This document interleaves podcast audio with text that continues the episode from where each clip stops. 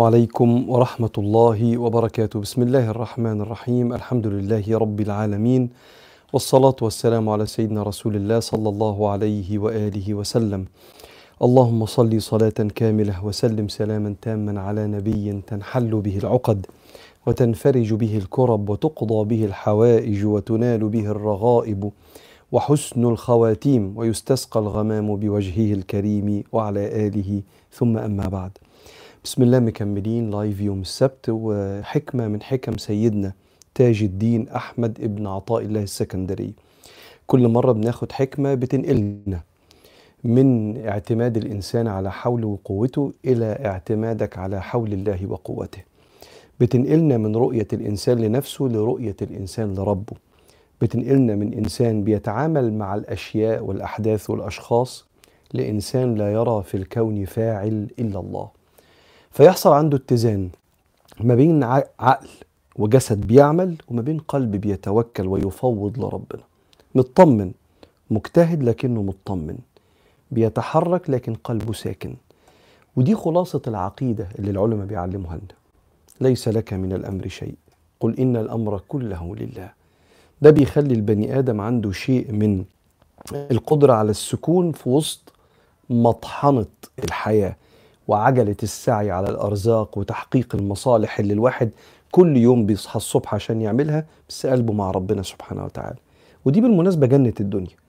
جنة الدنيا إنك أنت تبقى عبد لله في العمل اللي ربنا يأمرك بيه مذاكرتك وشغلك واجتهادك وعبادتك وقلبك كمان عبد موصول وساجد لربنا سبحانه وتعالى بإنه مش شايف في الدنيا دي إلا الله.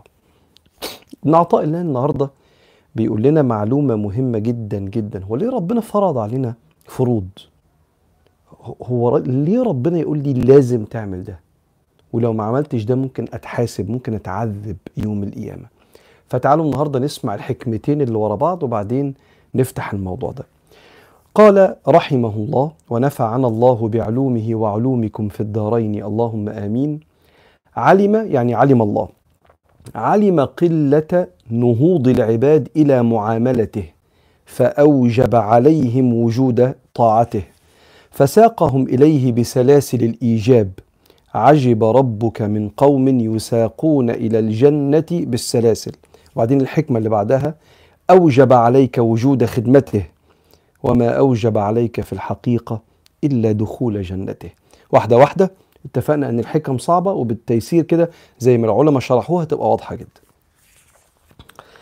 معاني الكلمات إن ربنا علم إن إحنا لو ربنا سايبها لنا كده اختياري ما حدش هيعبد ربنا. هنتشغل عن ربنا. هنتشغل عن ربنا باحتياجاتنا وشهواتنا وانشغالاتنا ومصالحنا وهنتشغل عن ربنا بنعمته.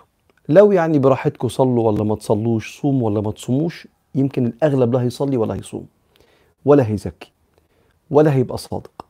جزء كبير من البشرية ممكن يبقى كده وربنا عالم كده. فلما علم قلة نهوض نهوض نهوض يعني إقبال علم قلة نهوض العباد إلى معاملته فأوجب عليهم. أنتوا لازم تعملوا كده. فأوجب عليه وجوب طاعته فساقهم إليه بسلاسل الإيجاب. الإيجاب يعني الفرض فكأنه لف سلسلة الفرض حوالين رقبتك وقال لك تعالى لازم. مش اختياري تعالى كده لا انت لازم تيجي. وبعدين ذكر حديث للنبي عليه الصلاة والسلام عجب ربك من قوم يساقون إلى الجنة بالسلاسل. شدك بسلسلة لجن... لجنتك. شدك بسلسلة لمصلحتك. وبعدين قام قايل في الحكمة اللي بعدها أوجب عليهم أو أوجب عليك وجوب خدمته. لازم تخدم ربنا أو تعمل عمل صالح. وما أوجب عليك في الحقيقة إلا دخول جنته. الحقيقة إنه بيوجب أوجب عليك إيه؟ إنك تبقى من أهل الجنة. بالعافية هتبقى من أهل النعيم اللي هو الجنة. بعد ما تصلوا على النبي كده أقول لكم. أي إنسان بيفرض عليك حاجة بيفرض عليك الحاجة دي لأنه محتاج. أي إنسان. في بينا وبين بعض لازم تعمل لي ولازم أعمل لك عشان إحنا الاتنين ناقصين. ناقص مش شتيمة مش زي شتيمة يا ناقص النقص أصل في تكوين البني آدم. فأنا ما أعرفش أأكل نفسي وأعالج نفسي وأبني لنفسي وأشرح لنفسي كل حاجة لا ما أعرفش أعمل وأفصل لبس لنفسي ما أعرفش. أنا عندي نقص فأنا محتاج لك. وأنت كمان ما تعرفش تعمل ده كله نفسك فأنت محتاج لي. فإحنا الاتنين محتاجين لبعض. فالاحتياجات اللي لازم نعملها لبعض دي بسبب احتياجنا ونقصنا. فالبني آدم بيبقى عنده نقص عشان كده بيحتاج يفرض على اللي قدامه حاجات يعملها له. وسواء الفروض دي مادية زي إن أنا يكون عندي شركة وحضرتك عايز تشتغل فأنت محتاج للفلوس والكارير وأنا محتاج لموظف علشان يساعدني في أرباح الشركة عشان الشركة تشتغل. فأنت لازم تشتغل وأنا لازم أقبضك. ففرض عليا وفرض عليك. أنت محتاجني وأنا محتاج لك. احتياج مادي. وفي احتياج معنوي. أنا محتاج حد يهتم بيا فيصبح عليا الصبح. ولما اتكلم يسمعني عشان يقول لي رأيك ليه أهمية وعقلك يعرف يفكر. أنا محتاج لده. محتاج ما حدش يهني. ولما يبقى عندي بيني وبينك عشم ومودة يبقى إنك تهتم بده.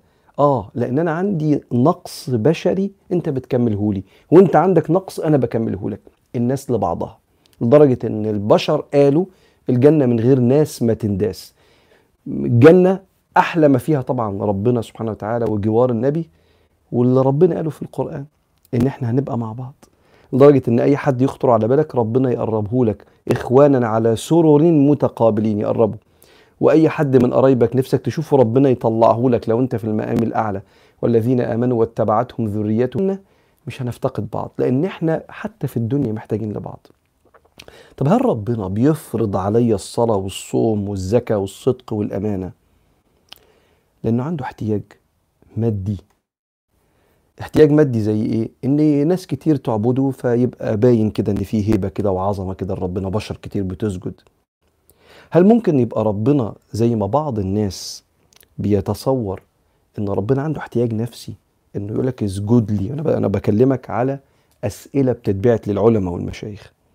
ربنا محتاج إنك تسجد له عشان لما تسجد له عظمة ربنا يزيد ويتأكد ها يتأكد إنك بتحبه.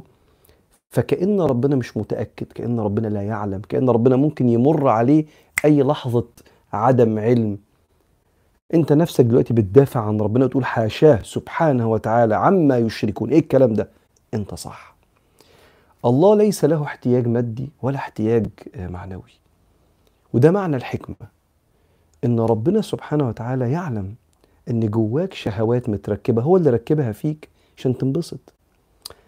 أنت لو جماد ما فيكش أي شهوة ولو ملك ما عندكش أي رغبة أنت مش هتستمتع بالدنيا هو عايزك تستمتع. فخلق فيك الشهوات عشان تبقى الدنيا دار تكليف يطلب منك حاجات ليك لمصلحتك ودار أيضا متعة ولكم في الأرض مستقر ومتاع إلى حين. استغفروا ربكم ثم توبوا إليه يمتعكم متاعا حسنا إلى أجل مسمى. إن الله يحب أن يرى أثر نعمته على عبده. يحب يشوفك متمتع بنعمته. أيوه بس المتع مش هتيجي إلا لما يكون متركب فيها تعلق بالمتعه دي. التعلق ده ممكن يشغلك عن ربنا. طب نشيل منهم التعلق فيبقوا زي الخشب أو جماد ملوش أي احتياج. أو زي الملائكه كلها معاني جميلة. لا أنتوا بشر. وطائع البشر أكرم عند الله من الملائكة. لأن عنده متعة نفسه يحققها بس رضا ربنا أولى عنده. فاختار ربنا وهو مخير إنه يختار ربنا ولا يختار شهوته. اختار ربنا. فكانت شهوته وانبساطه ومتعته جوه الإطار اللي ربنا يرضى عنه. فربنا فرض عليه إيه؟ مجموعة حاجات. عبادات وأخلاقيات معينة. ليه؟ لأنه عارف إنه لو خيرك انت هتختار شهوتك وراحتك وكسلك وهتختار مزاجك ومتعتك ولذتك وهتنسى ربنا وتتشغل عنه بنعمته. فقال لك ده لازم ولو ما عملتش كده هتتحاسب وهتتلام. مش علشان لو انت ما عملتش كده ربنا هينقصه حاجة. ربنا أنا قال أنا ما بينقصنيش حاجة لو أنتوا كلكم مش معايا مش قريبين مني يعني. إن تكفروا فإن الله غني عنكم. ولا يرضى لعباده الكفر. وقال في الحديث يا عبادي إنكم لم لن تبلغوا ضري فتضروني ولن تبلغوا نفعي فتنفعوني ولو أن أولكم وآخركم وإنسكم وجنكم كانوا على أتقى قلب رجل منكم. لو كلنا قلبنا زي قلب النبي أتقى رجل منا. ما زاد ذلك في ملكي شيء. ولو أن أولكم وآخركم وإنسكم وجنكم كانوا على أفجر قلب رجل منكم. لو كلنا قلب فرعون اللي بيقول أنا ربكم الأعلى. ما نقص ذلك من ملكي شيء. امال ليه الحكاية بحبك. عايز كل حاجة ليك أنت. عايزك تنتفع أنت. فأوجب عليك الصلاة لك والصيام لك والزكاة لك وكل آية بتتكلم دي من ودي من عظمة ربنا. ورحمته وقربه كل آية بتتكلم على فرض بتتكلم على النفع اللي هيرجع لك أنت من الفرض ده. مش النفع اللي هيعود على ربنا ربنا لا ينتفع بالخلق سبحانه وتعالى مستغني عن العباد. وبالتالي لما تسمع ابن عطاء الله بيقول لك علم قلة نهوض العباد إلى معاملته. شوف الكلمة بتوجع. العباد ما عندهمش رغبة حقيقية في معاملة ربنا في طاعة ربنا. فأوجب عليهم وجود طاعته. لازم تعملوا العبادة دي. حاضر يا رب. ويتوعد سبحانه وتعالى بالعذاب الأليم أو بالحساب الشديد ويوعد بالجنة وبالرحمة وبالكرم في الدنيا من عمل صالحا من ذكر أو أنثى وهو مؤمن وهو مؤمن فلنحيينه حياة طيبة. كل ده ليه؟ مش عشانه مفيش وين وين سيتويشن مفيش فائدة متبادلة بيننا وبين الله. كل ده ليك. الجايزة ليك والعبادة مفروضة عشانك. وبالتالي سماها فرض عشانك. زي ما انت كده لما لو انت كبير ومتجوز ومخلف وعارف يعني تقول لعيالك لازم تروح المدرسة مش عشانك عشانه هو عشان يبقى محترم في المجتمع وناجح. وينبسط لما يشوف كده الشهادة وهو ناجح ينبسط ويرضى عن ال achievement ده عن الإنجاز ده بدل ما يبقى قاعد متحسر على نفسه. انت مش عايزه متحسر على نفسه فتقول له لازم تعمل كده ولازم تروح التمرين بتاعك ولازم إيه لازم دي؟ وانت هتستفيد يا أب ولا يا أم؟ هنبسط لو شفته مبسوط ولله المثل الأعلى. وبعدين قام قايل له إيه عجب ربك من قوم يساقون إلى الجنة في السلاسل. حديث النبي. ناس مربوطين بسلاسل مش رايحين للجحيم مش رايحين للعذاب مش رايحين لسجن. بالعافية يخش الجنة. كأن ربنا قال له لازم تخش الجنة. إيه الحب ده؟ إيه الحب ده؟ أنا لو سبتك أنت منطلق تجاه النار وتجاه أذيتك لنفسك ولغيرك من بني جنسك من الإنسان وللأرض كلها. وبعدين قال له أوجب عليك وجوب خدمته أو وجود خدمته. لازم تخدم العباد وتزكي ولازم تخدم العباد وتساعد المحتاج ولازم تعمل كذا وتصوم وت... إيه ده إيه ده. آه لا بس هو مش محتاج حد يساعده انه يرزق الناس ولا يساعده إن ما يبقاش فيه فقراء. فتبرعوا يا جماعة عشان ربنا ربنا ربنا مش محتاج دي فلوسه اللي في إيدك أصلا. امال عمل كده ليه؟ أوجب عليك وجود خدمته وفي الحقيقة ما أوجب عليك إلا دخول جنته. ففهمت الموضوع ده بقى عامل إزاي. فلما تلاقي نفسك مقصر في فرض من الفروض اعرف إنك أنت بتأذي نفسك في حتة من عندك مظلمة لأن الفرض ده كان بينور حتة جوه في نفسيتك أو في قلبك أو في أخلاقك أو في صلتك بالكبير سبحانه وتعالى. فهو لا يريد شيء لنفسه إنما أراد كل شيء لك. والله أعلم. يلا نجاوب على الأسئلة العظيمة اللي بتتبعت لي كل أسبوع. وتاني بفكر حضراتكم يا شباب اللي عايز يسأل على حاجة تتكرموا وتبعتوا السؤال أثناء ال live كده على ال wall ايا كان ال application اللي حضرتك يعني بتسمعنا عليه ابعت بس السؤال بتاعك. ما جزاء من يجعل الله أهون الناظرين إليه؟ يعني إيه الكلام ده؟ عبدي إن كنت تظن أني لا أراك. لو أنت فاكر أنا مش شايفك فذاك شك في إيمانك دي مشكلتك. وإن كنت تظن أني أراك فلما جعلتني أهون الناظرين إليك؟ يعني عمال أداري نفسي وأركب فيمي في العربية عشان لما يعمل غلطة فيها محدش يشوفه ويتدارى ويروح في حتة محدش يعرفه عشان لما يغلط طب ما ربنا اللي شايفني. فجعل الله في اللحظة دي أهون الناظرين إليه. مش مسألة جزاء هقول لك سيئات. القلب بيضلم لما يفقد في لحظات معينة تقديسه لربنا واحترامه لنظر الله. وده معنى الآية إنما التوبة على الله للذين يعملون السوء بجهالة. جهل مقام ربنا وهو بيغلط. فكان بيتدارى من الناس اللي مستحي من عينيهم ومش مستحي من رؤية ربنا ليه. إنما التوبة على الله. شوف جمال الآية ربنا بيتكلم عن مسامحته ليك. لما كنت جاهل وبتخليه أهون الناظرين بيكلم إزاي؟ يتكلم إزاي يسامحك إنما التوبة على الله للذين يعملون السوء بجهالة ثم يتوبون من قريب. احس كده إن أنا ليه عملت كده؟ إزاي أبقى بعيد عن ربنا كده وما اهتمش بنظر الله؟ فيتوب لربنا ويتبع السيئة بالحسنة. يعمل حسنه تمسح السيئة دي. فالجزاء لو فضل الإنسان كده ظلمانية ضلمة في القلب. الضلمة دي بتعمل إيه؟ بتخلي الإنسان هش في الدنيا. خايف من بكرة. حاسس إنه وحيد. مش مستمتع بالنعمة. لأن الحاجات دي كلها معاني في الروح. الطمأنينة إن المستقبل بإيد ربنا رؤية النعمة والاستمتاع بيها الإحساس بالاكتفاء إن ربنا معايا دي جنة الدنيا ما بياخدها البني آدم لما يكون قريب. لكن مش قادر أقول جزاء معين في النار أو سيئات معينة يكفي ظلمانية القلب ونور القلب لما يتوب من الحالة دي. بعاني من مشكلة الإباحية وكل ما بحاول أبعد أبعد وبطل برجع تاني. اديني حل لمشكلتي دي أنا ولد. اتفرج على حلقة آه، على أبواب الفتن فتنة الإباحية. فيها تفصيل في نص ساعة لأضرار الإباحية وإزاي تطلع منها. لكن هقول لك على موضوعين. موضوع الأولاني ضرر الإباحية. بيشبه بالظبط واحد آه، أكل كيس سكر على بق واحد. فبقى طعم السكر اللي بيعرف يدوقه مش أقل من كده. فلما تديله شوكولاتاية حلوة ولا منجايه حلوة ولا تفاحية حلوة قوي. يحس إنها مرة.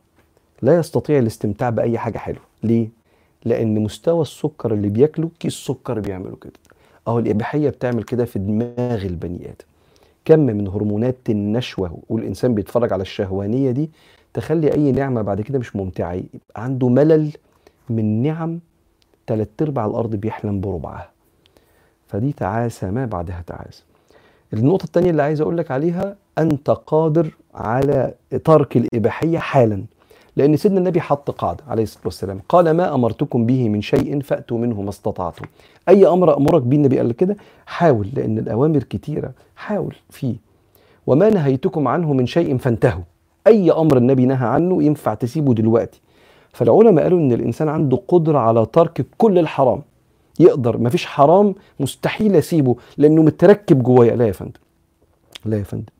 بمجاهدة نفسك في الله والبعد عن أماكن المعصية والبعد عن خطوات المعصية وبالدعاء وباللجوء وبكثرة لا إله إلا الله. قول لا إله إلا الله ألف مرة في اليوم. شوف ده هيعمل إيه في قوة قلبك. جددوا إيمانكم بلا إله إلا الله. واسمع الحلقة وربنا ياخد بايديك بإيدينا كلنا يا رب. دايما خايفة من فكرة إني لما أموت محدش هيدعي لي لأني ما خلفت شفتش يعني ما فيش ولد صالح يدعو لي.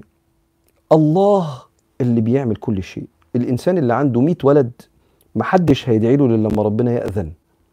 وبالتالي مش لازم ولد صالح يعني من صلبك لأن الصالحين كلهم لما بيدعوا دعواتهم قريبة من الله. وغير الصالحين كمان وإذا سألك عبادي عني فإني قريب أجيب دعوة الداعي. أي داعي؟ إذا دعاني. لأن ربنا أصلا هو اللي مجيب. وبالتالي لو أنا ما عنديش عيال يدعوا لي في 100 صاحب و100 قريب و100 إنسان يسمع عني فيدعي لي. الناس اللي بتعمل عمرات كتيرة بيتفاجئ هو بيعمل عمرة إيه إنه بيعمل عمرات لناس ممكن يكون ما يعرفهمش سمع عنهم سمع قصته قرأ على السوشيال ميديا فيتفاجئ إنه بيعمل عمرة. لبني آدم العمرة دي عبادة كبيرة قوي قوي. ولو حج كمان عبادة أكبر وأكبر. فاللي بيعملوا عمرات كتير عارفين الموضوع ده. فما تستغربش حتى لو ما عندكيش أو ما عندكش أو ما عندكيش بقى لأن السائله بنت لو ما عندكيش ولد لا ربنا هيقيض ليكي هيسخر ليكي العباد. وبعدين لو ما حدش دعالك يكفي ربك يكرمك من غير ما حد يطلب منه حاجة. ربنا مش محتاج حد يطلب منه حاجة عشان يعملها. عيشي أنت عيشة صالحة واكرمي خلق الله واكرمي جوزك واكرمي نفسك واعملي أركان دينك وربك يكفي بعطائه حتى لو ما حدش دعالك لكن إن شاء الله الناس كتير وأنا بقول لحضرتك أهو ربنا يكرمك بإذن الله. الحسد والعين شيء مؤرق جدا. حضرتك قلت نحصن نفسنا بأذكار الصباح والمساء والأوراد وأنا ما زلت سهلة الإصابة بالعين. الحمد لله محاطة بنعم من الله واللي بيحسدوني بيبان عليهم طاقتهم واضحة. وأنا تعبت جربت الصدقة لدفع البلاء مش عارفة أعمل إيه بقيت بخاف أخرج من البيت وأتعامل مع الناس. مش مستريح قوي إن حضرتك تفسري كل ال ال ال الأزمات اللي بتحصل إنها حسد وعين. لأن المشايخ علمتنا إن البني آدم مش المفروض ينشغل قوي إنه بيتحسد. ومش بقول الكلام ده على حضرتك بحكي لك كلام المشايخ اللي اتعلمناه. وكأني هتكلم عن نفسي وكأن أنا عندي موضوع وعندي نعم وإن أنا محبوب أو إن أنا كذا فالناس مركزة معايا. لا أنا أغلب من كده بكتير. وما عنديش حاجة قوي ويعني مش مميز قوي عشان حد يحسدني. ولو ربنا أكرمني بنعمة هو كفيل. كما أنزل القرآن على رسول الله وحفظه فقال إنا نحن نزلنا الذكر وإنا له لحافظون. وكذلك ينزل النعم وله يح ويحفظها سبحانه وتعالى. نزلنا النعم ونحفظها. فانت انشغلي باذكار الصباح والمساء ده الدواء الرباني اللي النبي وصى بيه عليه الصلاة والسلام. انشغلي بتحصين نفسك وأي حاجة تحصل بعد كده ما تفكريش في موضوع الحسد. عشان أنا خايف إن ده يزعجك ويخليكي مش قادرة تستمتعي بالنعمة وغصب عنك تبدأي تشكي في ناس حواليكي كتير وده هيبان في عينيكي وفي معاملاتك. لو سمحتي واظبي على الأذكار ربنا ياخد بايدينا جميعا. جوزي بيشتمني وبيهني وبيضربني. بدأت أكره حياتي وبزعل على نفسي وبقول ليه حظي كده؟ ممكن نتصالح يومين ويرجع تاني يعمل كده. أنا مش عارفه هو بيتعامل إزاي مع اللي بيشتغلوا عنده بس أنا زهقت. وهل حلال الضرب والإهانة؟ لا الضرب حرام والإهانة حرام. يعني وحسبي الله ونعم الوكيل في كل إنسان راجل كان أو ست بيستخدم دين ربنا بطريقة غلط لإهانة خلق الله. وقال صلى الله عليه وسلم لزوال الدنيا أهون عند الله من دم امرئ مسلم. زوال الدنيا بكل مقدساتها لا تساوي شيء أمام دم امرئ مسلم. وقال النبي عليه الصلاة والسلام ألا إن دماءكم وأموالكم وأعراضكم دمك يعني حقوق جسمك الإهانة الجسدية الوجع. وأموالكم حقوقك اللي بتقتنيها أي حاجة بتملكها اسمه المال. وعرضك حقك النفسي وسمعتك. ألا إن دماءكم وأموالكم وأعراضكم حرام عليكم. كحرمة يومكم هذا يوم عرفة. في شهركم هذا شهر الحرم ذي الحجة. في بلدكم هذا في مكة. فالإنسان حرمته أعلى من المقدسات دي كلها. فلا يا فندم مش حلال ولا حاجة. والست اللي بتتهان وبتتضرب أه هقول لها على أه موضوعين. لازم تقعدي مع جوزك وتقولي له انت بتضربني ليه؟ وبتهني ليه؟ وما وهو مش هيجاوبك بمبرر. في فارق ما بين السبب والمبرر. السبب حاجة أدت لحاجة المبرر حاجة أدت لحاجة ولازم تحصل يعني. مبرر إن أنا زعلت منك إنك شتمتني بأهلي. آه ده مبرر. لا سبب إن أنا زعلت منك إنك ما جيتش مثلا فرح ابن خالتي. لا ده سبب مش مبرر ده سبب ملوش لازمة. ما زعلش منك عشان حاجة أنت ممكن عندك ظروف. آه هو ده السبب اللي زعلني بس ده سبب مش مبرر مش مقبول. نفس الكلام بتضربني ليه؟ ليه بتمد إيدك عليا؟ عشان قوي يعني ولا علشان ولا عشان عندك حاجة في الدين بتقول لك كده أنت فاهمها غلط ولا إيه الحكاية يعني؟ قول لي بتضربني ليه؟ بشتمك بأهلك بهينك بمد إيدي عليك. اشرح لي بتضربني ليه؟ فيقول لك بتعصبيني وانت اصلك انسانه عندك ندية اصلك. قولي له أنا مش هسمح بالضرب ده تاني ولازم تدخله حد. لو في ست جوزها بيهنها وبيضربها لازم ربنا اللي قال كده. وإن خفتم شقاق بينهما. هو في شقاق أكتر من إنسانة بتتضرب زي الراجل كده اللي مراته بتشتمه. ما ينفعش تسكت تسكت على الكلام ده. لازم حد يخش يحل الموضوع ده. قبل خطوة الطلاق اللي, اللي, إحنا بنحاول نتجنبها في بيوتنا. فبعثوا حكما من أهله وحكما من أهله. إن يريد اصلاحا مش إهانة وضرب وشتيمة. إن يريد اصلاحا يوفق الله بينهم. وأنا بحذر الزوج والزوجة. مش أنا استغفر الله ماليش أنا نحذر حد بس دي زوجة. الشريك المهين الست اللي بتهين جوزها النبي حذرها من النار. كده انظري أين أنت منه فإنما هو جنتك ونارك. وقال للراجل لا يضرب خياركم. الشخص اللي بيضرب ده مش إنسان خير ما بيعملش إصلاح ده بيدمر بيته. وسيدنا النبي في بعض الأحاديث إن من بعض إن من عباد الله من يبعث في الجبارين وليس له في الأرض إلا أهله. هيروح مع جبابرة الكون اللي أفسده في الكون وما عندوش في الحياة ما عملش إبادة جماعية لشعوب ولا حاجة. ده كان عنده أهله بس كان مفتري على أهله. فاتقي الله وبكرة هتتحاسب. لو أنت بتسمعني يا أخويا الكريم يعني اللي على راسي من فوق بس محدش يعمل كده. فربنا ينجيكي ويسترها عليكي كيف نتخلص من الأفكار السلبية؟ سؤال عام جدا. الأفكار السلبية بتيجي من كتر المخاوف. خدي كل فكرة للآخر. آه وشوفيها هتلاقيها غالبا اغلب أغلبيتها وهم والشيطان بيوسوس بيها عشان يزعجنا ويعيشنا حياة سخيفة. ف وانت أو انت مش أفكارك. الأفكار دي مخلوقات بتهجم من بره ده مش انت دي أفكار بتهجم. هاتها للآخر أنا هموت بكرة طب وبعدين؟ ما أنا ياما فكرت إني هموت وما طب وبعدين لما أموت أصلا إيه اللي هيحصل؟ هروح لربنا الكريم الرحيم. طب وأهلي وعيالي؟ ربنا يتولاهم زي كل الناس لما ماتت ربنا يتولى أهلها. وبعدين؟ أصعب فكرة فكرة الموت. هفتقر وهيطردوني ما ربنا هيشغلني. مفيش حد بيبات بيبات جعان. لازم نمشي مع الفكرة للآخر. في الآخر هنلاقيها وهم. غالبا. يعني إيه صلاة ربنا على سيدنا محمد؟ الله أفعاله ليست كأفعال العباد. فرحمة الله ليست كرحمة العباد. حياة الله ليست دي صفات ربنا يعني. حياة الله ليست كحياة العباد عظمة ربنا زي ليست كعظمة العباد وكذلك صلاة الله.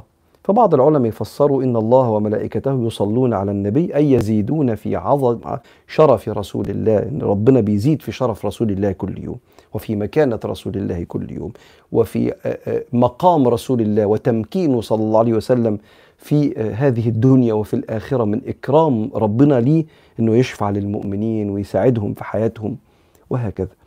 ف... ويكرمهم في الآخرة.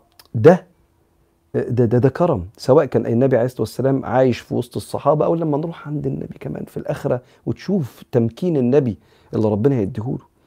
فالنبي حاجة كبيرة قوي أنا في ثالثه ثانوي وخايفة جدا ومتوترة وببكي دايما وليا فترة مهملة في صلاتي ومش عارفة أعمل إيه تعبانة نفسيا وكمان من الضغط اللي عليا. وانها كانت سنة آه صعبة عشان فيها مخاوف في تحديد المستقبل. لكن في الآخر هي مش أصعب حاجة. ساعات في سنوات تانية أصلا في الدراسة أصعب من ثانوي عام وفي حاجات في الجامعة ممكن تبقى ساعات أصعب. وفي مواقف في الدنيا يعني أنا ببص دلوقتي ثانوية عامة كنت مشدود آه مشدود بس عشان هي اللي هتحدد الكلية والكلية هتحدد مستقبلي ودخلي وضعي في المجتمع. بصراحة دي أوهام. لأن لا الكلية اللي بتحدد دخلك ولا وضعك في المجتمع. أخلاقك واحترامك واجتهادك.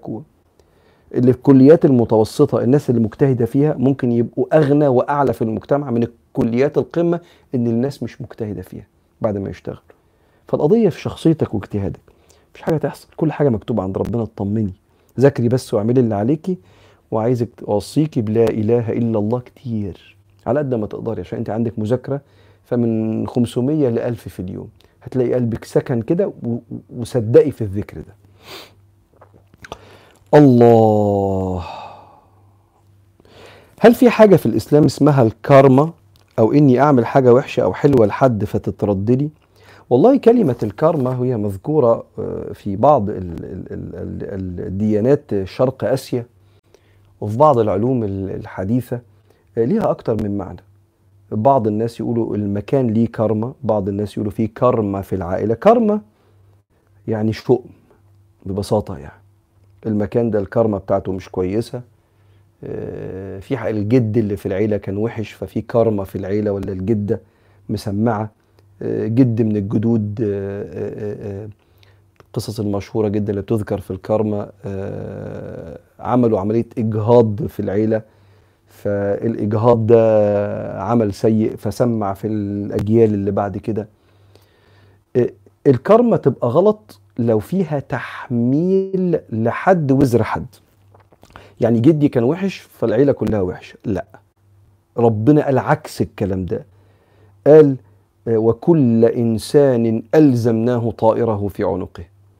ونخرج له يوم القيامة كتابا يلقاه منشورا. يعني كل واحد مسؤول عن نفسه. اقرأ كتابك كفى بنفسك. اليوم عليك حسيبا من اهتدى فإنما يهتدي لنفسه. ومن ضل فإنما يضل عليها ولا تزر وازرة وزر أخرى. مش هشيل أنا ذنب جدي اللي عمل حاجة غلط ولا جدتي اللي مش عارف عملت إيه. طب واحد عمل حاجة وحشة زمان هتترد له لو تاب منها ربنا يبدل سيئاته حسنات ويعفو عنه ويكرمه في المستقبل. مش ربنا شايلها له وهيردها له لما بعد شوية؟ لا لا. لو الكرمة بمعنى إن في حاجة سيئة عملتها في حاجة في حد هتترد لي ممكن يبقى المعنى ده متسق مع الشريعة كما تدين تدان إن أنا راجل مفتري وبفتري على خلق الله ومش عايز أتوب من ده وحالي مش هيتحسن فممكن ربنا يدوقني من نفس الكاس. ومن عير أخاه بذنب لم يمت حتى يفعله. ولا تسخر من أخيك فيعافيه الله ويبتليك. هذا واحد مصر على الذنب. لكن واحد ما كانش كويس في حاجة أذى حد فتأسف له. وتاب إلى الله. وبقى إنسان صالح ليه يترد له الكلام ده؟ فالجزء اللي من الكرمة على أهل الافتراء اللي مش عايز يتوب آه ممكن لكن غير كده لا. معنى مش حلو وفي سوء ظن بالله. ما حكم جواز المسلمة من شاب مسيحي؟ مش جواز. ما حكم اللي يصلي الظهر 18 ركعة؟ مش ظهر مش صلاة. إحنا عندنا يا جماعة إحنا كمسلمين عقلي وروحي وجسمي وتصرفاتي ودنيتي وآخرتي قل إن صلاتي ونسكي ومحياي ومماتي لله رب العالمين. لا شريك له وبذلك أمرت وأنا أول المسلمين. فأنا النهارده لما بنت مسلمة تتجوز إنسان مسيحي ده مش جواز. يعني ده عند ربنا ما هو الجواز دي عبادة عبادة اجتماعية زي ما الصلاة عبادة نسكية بيني وبين ربنا. فأنا هصلي الظهر الساعة 7 الصبح 18 ركعة. ده مش ظهر دي حاجة تانية أنت بتعملها ملهاش اسم في ديننا. فيبقى إيه حكم صلاة الظهر دي؟ مش ظهر عشان نقول حكمها. ممكن تقولي لما صليت الظهر لما الاذان اذن فنسيت الركعة الرابعة وبعدين قلت جبت ركعة خمسة ولا صليتهم ثلاثة فنقعد نتكلم عن سجود السهو نتكلم في أحكام الموضوع ده اللي هو صلاة ظهر بس خايف يبقى فيها غلطة. لكن ظهر الساعة 7 الصبح 18 ركعة ده مش حاجة. فده مش جواز.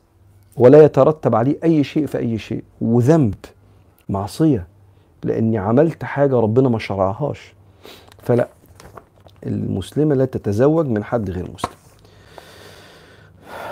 ابنتي أرادت رجل مسلم أن يتزوجها لكنه مدمن خمر فرفضته. ما رأيك؟ شكرا إن حضرتك عملت كده. ليه يا بنتي؟ يا اللي نفسك الراجل المدمن الخمر يتجوزك. إدمان الخمر بيؤثر على تحمل مسؤولية الرجل. يؤثر على ده. من عدة جهات. اولا الفلوس اللي بتدفع اللي بتؤثر على تحمل الراجل لنفقه بيته. رقم اتنين. رقم واحد. رقم اتنين جه- جهره أو استمراره وإصراره على كبيرة من أكبر الكبائر في حق الله. فهنا إحنا عندنا مشكلة في تحمل مسؤولية العلاقة مع حد المفروض هو كبير عندي. يعني الله كبير عندنا. كبير هو الكبير سبحانه وتعالى.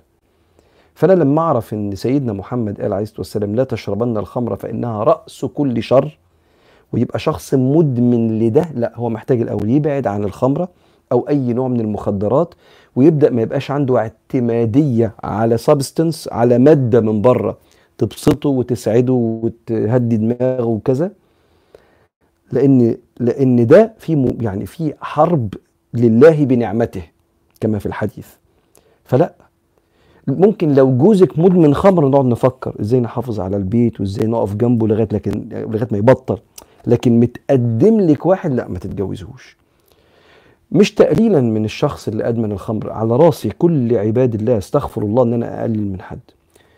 بس يا صاحبي أنت مش جاهز لإقامة بيت وأنت مقيم على ذنب كبير زي ده بيأثر على شخصيتك. الخمرة بتأثر على الشخصية. تعمل شخصية اعتمادية أنا مش قائم بنفسي كده ومتحمل مسؤولية نفسي أنا في حاجة من بره من أكبر الكب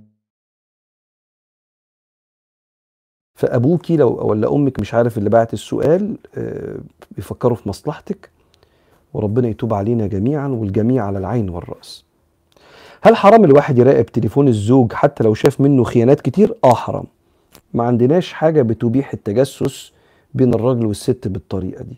ولو انت شايفة خيانات من الزوج واجهيه قولي له انت بتعمل كذا وكذا وده مش مناسب بالنسبة لي ولازم نشوف حاجة. لكن المراقبة دي هتزود عندك الأوجاع وتزود عندك البعد بينك وبينه ومش هتحل حاجة. فما تراقبيش تليفون الزوج. آه، ممكن حضرتك تقول لنا التدرج في الدراسة اللي حضرتك درستها ودلوقتي حضرتك بتدرس إيه؟ يعني إحنا ربنا يخلينا مشايخ اللي بيأذنوا لنا نقعد تحت رجليهم ندرس العلوم الشرعية معاهم. فدرسنا بعض علوم الفقه والحديث والأصول الفقه ويعني الحاجات اللي طلبة العلم البسطة بيدرسوها إحنا درسناها مع المشايخ هم أكرمونا بال بال بالعلوم دي والعقيدة طبعا يعني وما زالوا بيكرمونا بعلمهم. فده بيسموها العلوم الشرعية يعني. فأكرمنا بذلك. الحمد لله رب العالمين. لسه الطريق طويل جدا جدا جدا لغاية ما نحوز ونتعلم علم مشايخنا. وبندرس جنب بدرس جنب بعض العلوم الشرعية دي بدرس بعض العلوم النفسية. أنا دلوقتي بدرس المدارس العلاجية مدارس العلاج النفسي اللي بيدر بيدرسها الأخصائي النفسي ال therapist. آه، وبرضو أساتذتنا في العلوم النفسية بي- بيجودوا علينا وبيكرمونا وبيعلمونا. ودرسنا coaching و life و life coaching و relationship coaching عشان أحاول لو حضراتكم يعني وثقتوا فيا وسألتوني سؤال يبقى السؤال طالع من آه، دراسة شرعية وبعض العلوم أيضا الحياتية اللي بذل فيها العلماء مجهود كبير لفهم طبيعة النفس البشرية. فأحاول على قد ما أقدر يعني تبقى الإجابة شوية قريبة من آه، نفوس الناس وطبعا تكون منضبطة بشرع ربنا سبحانه وتعالى. فلو بتسألني يعني الاثنين ماشيين مع بعض العلوم الشرعية والعلوم النفسية مع بعض لأن علمونا المشايخ كده.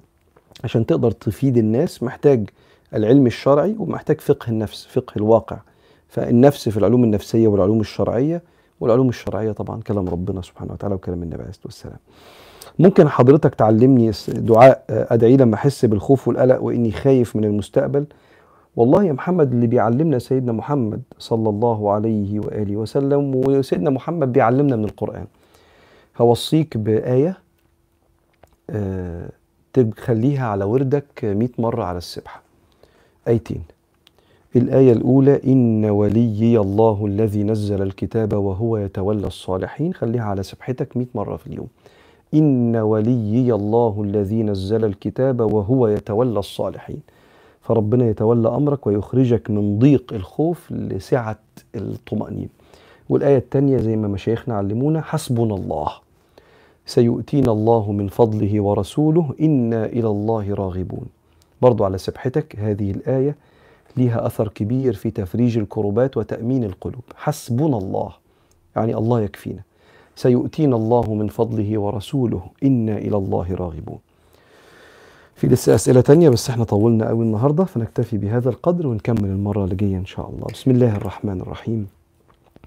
الحمد لله رب العالمين والصلاة والسلام على سيدنا رسول الله صلى الله عليه وآله وسلم. اللهم انصر إخواننا المستضعفين. اللهم انصر إخواننا المستضعفين. انصر إخواننا المستضعفين. اللهم انصر إخواننا في فلسطين يا رب العالمين. شتت شمل عدوهم يا رب العالمين. شتت رمي عدوهم يا رب العالمين. اللهم أنقذهم يا ربنا اللهم احفظ أرواحهم وتقبل شهداءهم عندك بجوار الصحابة يا ربنا. اللهم احفظ بلادنا وحدودنا ودماءنا وجيوشنا ومياهنا يا رب. اللهم احفظ مواردنا وخيرات بلادنا. اللهم أخرج لنا في بلود في بلادنا كنوز الأرض يا ربنا. اللهم أخرج لنا كنوز الأرض من بلادنا يا ربنا. واحفظ علينا أرزاقنا ومقدراتنا يا ربنا. اللهم وسع علينا في أرزاقنا حتى لا نمد أيدينا إلا إليك ولا نتوكل بقلوبنا إلا عليك. اللهم من أراد ببلادنا خيرا فوفقه لكل خير ومن أراد ببلادنا شرا فاصرفه عنا واشغله بنفسه واجعل تدبيره في تدميره يا ربنا. اللهم أعنا على ذكرك وشكرك وحسن عبادتك. اشف مرضانا ومرضى العالمين. اللهم أرحم موتانا أجمعين وأسكن موتانا الفردوس الأعلى من الجنة بغير حساب. يا رب اهدنا وقونا في قو في رضاك ضعفنا يا ربنا. اللهم بلغنا رمضان وأنت راض عنا وقد أزيحت الغمة عن أمة سيدنا محمد صلى الله عليه وآله وسلم. وصل اللهم وسلم وبارك على سيدنا محمد والحمد لله. اشوفكم على خير إن شاء الله.